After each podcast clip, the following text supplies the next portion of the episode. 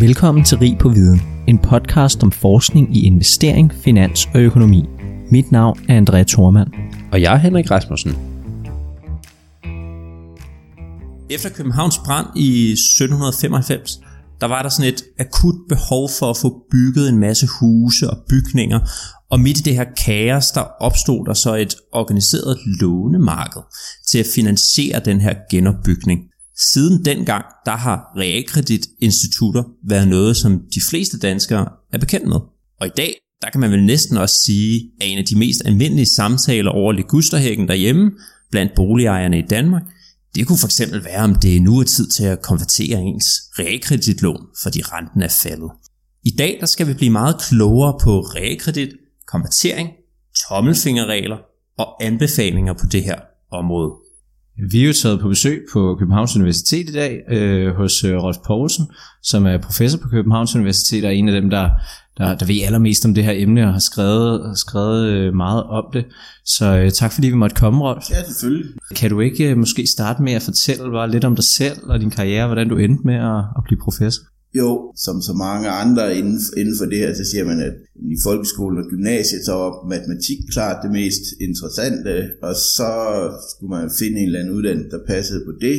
Og for mit vedkommende, så blev det matematik-økonomiuddannelsen på Aarhus Universitet. Det er den samme, det er faktisk ikke faktisk på den samme hold som Kent Beckmann, som lytter på tidligere program af podcasten vil kende. Der er faktisk lige, inden vi, inden vi kommer alt for godt i gang, så er der en anekdote, fordi jeg har hørt et par gange i jeres podcast, at der bliver omtalt det her historie med, at hvis man skal skrive en artikel, så skal man have én pointe. Ikke 8 pointer. Ja. En pointe, det var kendt at starte med at fortælle den historie. Der er faktisk lidt mere til, til historien, i hvert fald i den udgave, jeg plejer at fortælle den. Der er det, hvis man skal skrive en artikel, en pointe, det er det bedste. To pointer, det virker aldrig. Nul pointer, det kan godt gå. så, øh, så, så der læste jeg matematik og økonomi, og øh, læste en kandidatgrad og en, en Ph.D.-grad der, og så synes jeg egentlig, det var, det var, man var ikke færdig, bare fordi man havde læst det her i otte år. Der var stadigvæk interessante ting at arbejde med, og så var der en, øh, en jobmulighed på øh, Matematisk Institut her på, på KU, som jeg, hvor jeg kom til i 99. Jeg har efterhånden, jeg har efterhånden været her i en del år. Hvordan kan det så være, at du blev fanget netop af den her realkredit?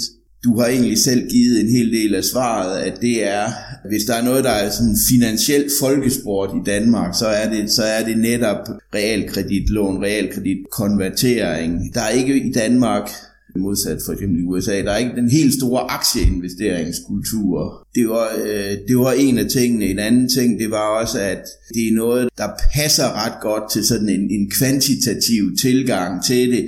Der er en, et, et udtryk, der hedder stocks og stories, bonds og math. Man bliver, man bliver nødt til at, til at kunne regne en del, en del på sådan nogle ting, så på den måde havde man også lidt en, en hjemmebanefordel ved at have trænet det igennem sin uddannelse. Kender I den Michael Lewis bog, der hedder Liars Poker? Jeg kender ikke den, men jeg har læst øh, Flashboys ja. ikke? og The Big Short. Og... Ja, det er så den samme stil om, hvad der foregår i den finansielle sektor. Det her, det, jeg tror, det er hans første, og den handler meget om... Øh, hvordan det var at være øh, obligationshandler, bond trader i, hos, øh, jeg tror det var Salmon Brothers i, i 80'erne i New York. Og han skriver et sted i bogen, at øh, at, at de eneste, de ikke kunne løbe om hjørner med, de her smarte salmon trader, det var, det var danske obligationshandlere. øh, så. Nu har du jo været med til at lave det her 236 siders lange studie af realkreditrådgivning tilbage i 2011, og det linker vi selvfølgelig til i, i podcasten, og vi skal tale lidt om det i dag. Det handler blandt andet om, hvordan rådgivning den har haltet lidt efter på området. Kan du komme med nogle eksempler, hvor realkreditrådgivning den er kørt helt af sporet? Der er måske nogle af vores lyttere, der har hørt lidt om nogle andelsboligforeninger, der virkelig kom ud på dyb vand med deres realkreditlån. Måske du kan fortælle lidt om det? Man behøver ikke kigge sig ret meget om, før så, så dukker der også, skal vi sige det, sager op, hvor det viser sig, at, at rådgivning omkring øh, låneprodukter ikke, ikke, ikke er særlig god. En del sager de seneste år med Øh, det kunne være med store, mindre virksomheder eller andelsforeninger, der, der har taget swaplån, hvor i virkeligheden nogle af problemerne eller risiciene med de her swaplån er faktisk effekter, som man i realkreditmarkedet har kendt i 30 år mindst. For eksempel en andelsforening, altså AB Duegården, som optog et, et swaplån. Problemet var, at når man laver et swaplån. Det man gjorde der i hvert fald, det var, at man, man gik fra et variabelt lån til et fast lån. Det lyder meget godt. Problemet var, at det her fast lån ikke har den konverteringsret, som vi kommer til at snakke om senere, har ikke den konverteringsret. Det betyder, at hvis renterne falder yderligere, så stiger markedsværdien af den her gæld, så den steg fra et eller andet 150 millioner til 300 millioner. Et eller andet i den størrelsesorden. Og den effekt, at pludselig er markedsværdien af gælden steget voldsomt. Det skete faktisk også nogle gange under de første konverteringsbølger. For at afhjælpe det er det derfor, man har indført som en tommelfingerregel, at øh, man skal kun hvis man skal optage nye lån, så skal man kun udstille dem til mindst kurs 90. Egentlig uden at der er mange, der ikke tænker over hvorfor, eller egentlig over at uden en stor forklaring, eller en forklaring, der er sådan, at kun halvvejs siger, at man skal gøre det for at, mini- for, for at minimere sit, sit kurstab. Ja, så det der skete var jo, at der var en del, en del boligforeninger, der havde byttet deres variable rente til en fast rente, som desværre viser sig at være ret høj, ja. fordi renterne efterfølgende faldt. Og det viser at være en ret dårlig deal for dem. Jeg tænkte for lytternes skyld, skulle vi måske lige definere, hvad er realkredit egentlig, og hvad vil det sige at konvertere sit realkreditslån? I Danmark er traditionen omkring boligkøb, at dels at mange, sammenlignet med andre lande, mange ejer deres bolig og køber den forholdsvis, i forholdsvis ung alder, så man låner pengene til det. Det er ikke sådan, at man har sparet alle pengene eller størstedelen af pengene op. Så, og realkreditlån er sådan en samlet betegnelse for de lån, man optager for at finansiere sit boligkøb, og hvor ideen så er, at, at kreditforeningen eller banken, at de har sikkerhed i boligen. Det vil være nogle lån, som har en, en høj grad af sikkerhed. De traditionelle realkreditlån, hvor under der ligger obligationer, der er handlet på børsen, der kan man kun låne op til et eller andet sted mellem 60 og 80 procent af boligens værdi. Så der er en høj grad af sikkerhed der, så det, det er nogle lån, det kunne man jo håbe på, at det så er nogle lån, som man som låntager kan få til konkurrencedygtige rentesatser. Der er også i den danske konstruktion er, er det sådan, der er en låntager, så er der en, en bank eller en kreditforening, som egentlig bare er et ekspeditionskontor for låntagerens betaling, og så er der en, en investor, som køber de underliggende obligationer. Det kunne være pensionskasser, eller faktisk så bliver en, lige i øjeblikket tror jeg en stor del af danske realkreditobligationer bliver købt af japanske investorer, fordi de har fundet ud af, at det er sjovt. Så realkredit er sådan en samle, jeg bruger det som en samlebetegnelse, fordi de lånetyper, de lånetyper, man bruger til at finansiere øh, boligkøb. Og det der så, når vi taler om, når jeg taler om en konvertering, så er det brede forstand, så er, det, så er det en eller anden form for omlægning af sit lån. Man har mulighed for på flere forskellige måder, efter man har optaget sit lån, så omlægge det den mest udbredte, den, det der er flest, der har kigget på eller været udsat for, det er det, man vil kalde en nedkonvertering, hvor man har et fastforrentet lån, men med en konverteringsret, som betyder, at man må på et hvilket tidspunkt, man har lyst til, så må man betale, så kan man slippe ud af sine fremtidige forpligtelser ved at betale den resterende hovedstol. Hvis man første gang, hvis man første gang ser det her, så ser man, hvorfor søren, altså kan man ikke altid gøre det? Nej, det kan man ikke altid. Og hvorfor søren kunne jeg have lyst til at gøre det? Altså, er det, har jeg ikke lånt pengene? Har jeg ikke netop lånt pengene, fordi jeg vil afdrage dem tilbage over lang tid? Hvorfor kunne jeg have lyst til at betale hele lånet tilbage nu? Jo, det kunne man have lyst til. Det bliver netop en, en rettighed, der øh, får værdi hvis renten ændrer sig, specielt hvis, hvis renten falder. Så når vi siger, at vi konverterer lånet, så er det egentlig, så ligger der også i det, at vi, vi betaler godt nok det gamle lån tilbage, men vi bytter det ud med et nyt lån, som vi har optaget på nye markedsvilkår. Og det her med det at, at se, at man har, at det faktisk er en, øh, en ret, som har en værdi for låntager, kan man netop se ved at se, hvad der sker. Hvis man ikke har, hvis man har bundet sig til at betale 6% i rente på et lån over 30 år, også, så, så er det altså ikke særlig godt ikke at have mulighed for at kunne lægge det om, hvis renten falder til 1% eller 0%. Det, når vi taler konvertering, så er det typisk et spørgsmål om, hvornår udnytter man, hvornår, hvornår, hvor meget skal renten være faldet for, at man omlægger fastforrentet lån. Men der er også andre aspekter i det. Siden 95 har man i, i boligmarkedet haft variabel forrentet, variabel forrentet lån, de bare kaldt flexlån. Så der er også en, altså nogle af de her omlægninger af, af ens lånesammensætning kunne også være det, der ofte kaldes skråkonverteringer, hvor man går fra variabelforrentet til fastforrentet eller omvendt. Om det er aktuelt at gøre, det, det kan afhænge af, hvordan rentestrukturen, hvordan rentekurven ser ud, fordi typisk er lange renter er typisk højere end korte renter, men hvor meget varierer, og kurverne, kurverne kan generelt flytte sig. Og så er der endelig en ting, der også er ret specielt ved det danske marked, det er muligheden for det, der kaldes opkonverteringer. Ja, så der, der er de her to former, ikke? Altså op- og nedkonverteringer. Opkonverteringer, det er, hvis renten er steget, og man ja. håber, den er faldet igen, så skærer man noget af restgælden af. Præcis. Og så håber man at kunne komme ned på en lavere rente. Ja. Øh, men hvis den ikke falder, så er man så fastlåst på en højere rente, kan man ja. sige. Ikke? Øh, og, og så er der så nedkonverteringer, hvor man ligesom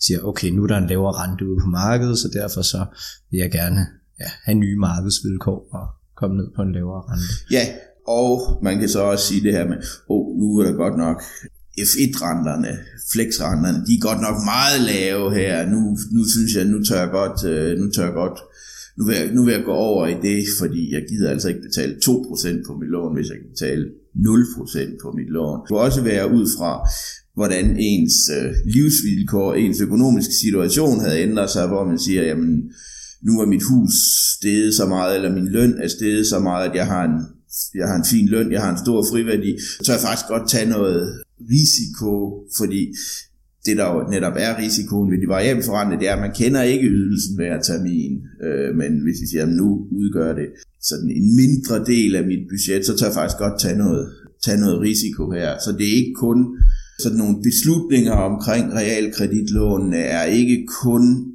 ikke kun drevet af, af, hvad der sker på markedet og af markeds, markeds forventninger, men de kan også i høj grad være drevet af ens egne økonomiske forhold. Men det er vel et eller andet sted, altså jeg tænker, at det kommer jo altid ned til, at hvis man vælger at lave en konvertering, så er det jo fordi, man har et eller andet syn på noget med renten. Altså, hvis du laver en opkonvertering, så er det fordi, du håber, den falder igen.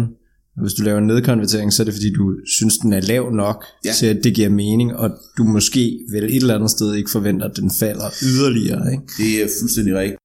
Det her med, hvornår man ligesom skal nedkonvertere, om det skal være, når renten er faldet med 2% for eksempel, det er jo sådan en tommelfingerregel, som Præcis. I skriver lidt om i jeres ja. artikel. Hvad er det ellers for nogle tommelfingerregler, som er i åndløb, når det kommer til konvertering?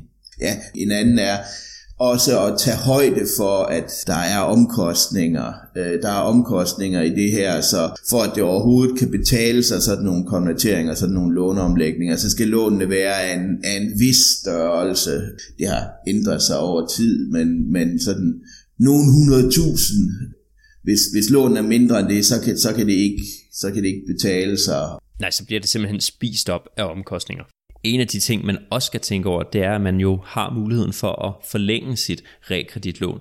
Men selvom det måske kan se godt ud, at man betaler mindre i ydelse ved næste termin, så kommer man til at betale den her ydelse i, lad os sige, 20 år, i stedet for kun 15 år. Så i sidste ende, så kan det jo gå hen og blive dyrere, og uanset hvad, så vil renteomkostningerne på den lange sigt, de vil blive højere.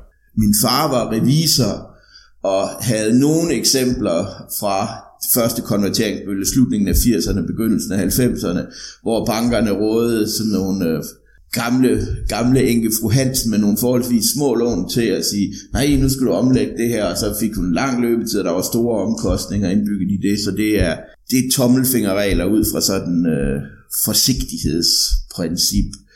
En, en ting, man typisk gør, som også er fornuftigt, det er at kigge på, jamen, vi har den, nye, den gamle betalingsrække og den nye betalingsrække. Øh, hvis, vi, hvis vi diskonterer dem, det kan være så nutidsværdien, så vil man sige, at jamen, der skal være en, sparelse på 3% eller 5%. Der skal man huske at have, tage omkostningerne med på passende vis, og så er der endelig sådan en, den her måske mest mystiske tommelfingerregel, man skal kun udstede i obligationer, hvor kurserne er mindst 95. Fordi man kan, få, man kan få lånene i, for, i forskellige kuponstørrelser, og hvis man tager en meget lav kuponrate, så har, har obligationen en lav kurs. Det betyder også, at den konverteringsret, man har, den er næsten ikke noget værd. Hvis så renten efterfølgende falder, så stiger kursen på den obligation, man har udstedt, og der er et stykke op til de kurs 100, hvor der kunne være interessant at konvertere. Ja, så er der for eksempel nogen, der siger, at man skal kun konvertere, hvis restløbetiden på ens lån, den ligesom er over 10 år. Ja, og ja. alle de her tommelfingerregler, der nævner I i artiklen, at, at nogle af dem måske ikke helt har fulgt med tiden. Hvorfor har det ikke det? Hvad har ændret sig i dag på realkreditmarkedet? den, måske den mest oplagte ting, det er det her med størrelsen af, af de 2 procentpoint i kupon. Det er fordi, når vi nu er nede i kuponrentestørrelser, som er måske en halv procent, eller 1 procent, eller halvanden procent, det, det er dem, der ligger lige i øjeblikket sådan og svinger, hvis man også kigger i aviser, børsen, ekstrabladet og siger, nu er nyt superlån er åbent her. Vi, vi, skal, vi skal egentlig i højere grad kigge på de relative størrelser af ændringer, så en 2% ændring er, er simpelthen for meget, når vi er i. Så en ændring på 2% i dag vil jo være koloenorm. Altså man kan sige, de tommelfingerregler, man taler om, det, det er måske lidt, det kommer lidt af en verden med nogle højere renter, ikke? Ja, ja. som så mange andre ting øh, i, i økonomien, altså at en gang var der meget høje renter, nu har vi stort set ikke nogen renter, så derfor så de der 2% point, det er meget ja, voldsomt. Ja. Ikke? Den her artikel, øh, I har skrevet, den handler jo om altså også den rådgivning, der, der ligger på området. Ikke? Øh, og, og det jeg umiddelbart kommer til at tænke på, når, når jeg læser den, det er jo det her med, at når der bliver skrevet de her ting i avisen, eller når øh, boligejere bliver ringet op af deres bank, eller et eller andet, kan man så sige noget om, om, om den rådgivning er god eller dårlig, der foregår derude, eller er det, er det meget, øh, altså fordi igen, det her med spekulation i renter, det er sgu noget, der er rimelig svært. Ikke? Øhm, så altså, kan man sige noget om, det, det er en ordentlig rådgivning, der i virkeligheden foregår? Altså en ting er tommelfingerregler, måske er lidt øh, outdated, men, men så den rådgivning, der foregår, er den, den okay? Eller? I starten, da jeg havde realkreditlån, der fik jeg tit breve om, nu skal du konvertere, og jeg kan ikke huske, om jeg blev ringet op. Det blev man sikkert nogle gange. Jeg synes ikke, at det sker så ofte længere. Jeg ved ikke, om det også har noget med sådan nogle undersøgelser af, hvad vil konsekvenserne være med at konvertere, i høj grad er noget, som øh, både, både fra banker og realkreditinstitutter også. Ja, så man kan for eksempel gå ind på MyBanker og se, om man betaler for meget på sit nuværende realkreditlån sammenlignet med alternativerne, eller man kan gå ind og se, hvad det vil koste, hvis man skal købe ny bolig og skal have et realkreditlån, eller den, den sidste mulighed er, at man kan gå ind og se på, hvis ens realkreditlån skal omlægges, hvad er der så af muligheder der? Der kan man få tilbud fra forskellige banker og realkreditinstitutter. Jeg havde for eksempel engang selv et, hvor det var variabel forrentet lån, hvor den variable rente, den var bundet til øh, det, der hedder en Kajber-rente. Men så var det lavet sådan, at hvis Kajber-renten ramte et eller andet niveau, jeg kan ikke huske, hvad det var, 5%, så blev lånet lavet om til et konverterbart fastforrentet lån, sådan en knock-in option, vil man kalde det, øh, som man så, hvis renten faldt igen, kunne konvertere på normal, på normal vilkår, men jeg havde et lån af den type. Det, det man, det man, og jeg havde det under finanskrisen, det man fandt ud af der, det var, at der var en vis effekt ved at read the fine print. De her rentebetalinger, de var baseret på Kuiper-renterne, som sådan nogle lidt hypotetiske interne renter, som banker siger, de kan låne til hinanden ved lån, hvor der ikke bliver stillet sikkerhed. Øh, normalt så har det været sådan, at hvis man sammenligner dem med swaprenter eller renter på statsobligationer, så var der et forholdsvis lille, måske 0,1-0,2 procentpoint. Pludselig var der 3-4 procentpoint forskel der, og nok indeffekt der, det var bundet til Kuiper-renten. Det viser, at der er en vis, der, der har været flere andre kreative øh, kreative forslag der. Hvis man kigger på sådan en gennemsnitlig øh, lånesammensætning i Danmark, det er også en, en del af at have et modet marked. Det er meget transparent. Man kan, altså, man kan, man kan se øh, hvordan, hvordan de her lån er blevet optaget, og hvad, hvad, hvad der nu er mest, mest moderne at gøre. Så omfanget af sådan nogle garantilån er altså ikke særlig stort. Rolf, ja. noget af det, som jeg meget gerne vil spørge dig om, før vi bliver nødt til at lukke af, det er, hvordan, altså, hvordan renterne ser ud i fremtiden. Det har ret stor betydning for ens realkreditlån. Ja. Og I nævner i artiklen, at, at det er ofte noget, der bliver talt om i rådgivningen, hvor både rådgiverens og låntagerens eget gæt på renteudviklingen, den måske kommer på bordet. Og vi ved alle sammen, det er meget svært at spå om renterne, og nu så jeg forleden en graf over, hvordan en af verdens største banker siden 1995 hårdnakket har påstået, at nu skulle renterne til at stige, og det er aldrig rigtig sket. Bør man ikke lægge den her krystalkugle lidt på afstand i rådgivning, og så i stedet fokusere på nogle af de ting, som man har mere kontrol over, når det kommer til ens realkreditlån? Jo, og hvis du spørger mig om, om stiger de, hvorfor stiger de ikke, så I, don't know, det ved jeg ikke. Jo, det har du fuldstændig ret i, og det, øh, det, det der også er vigtigt, og det, det man har mulighed for i sådan en modelbaseret øh, tilgang, det er at vælge strategi. Det er ikke sådan, at man siger, nu skal jeg finde ud af, hvordan jeg forventer, at renterne udvikler sig, og så optimerer jeg ud fra de her forventninger til renten. Det er meget vigtigt at betragte usikkerhed som en indbygget del af problemet, fordi der er en stor forskel på at sige, jeg forventer måske, at renterne udvikler sig sådan her, og hvis de gør det, så er det optimalt for mig at gøre lige præcis sådan og sådan og sådan. Når vi ved, at det er helt sikkert, at de kommer, de kommer ikke til at udvikle sig præcis sådan, så at, at vælge nogle strategier, hvor øh, man eksplicit tager højde for risikoen, er vigtigt, fordi vi har meget svært ved at sige, om de skal op eller ned, eller hvor, skal de, hvor de skal hen. Men det vi ved, det er, at de kommer til at svinge renterne. Jamen med det, så tænker jeg, at vi siger tak, fordi du vil være med, Rolf. Det har været en fornøjelse at tale ja, med dig. Tak for i dag. Tak. Tak fordi du lyttede med til Rig på Viden. Vi håber, du blev klogere og vil lytte med en anden gang. På genhør.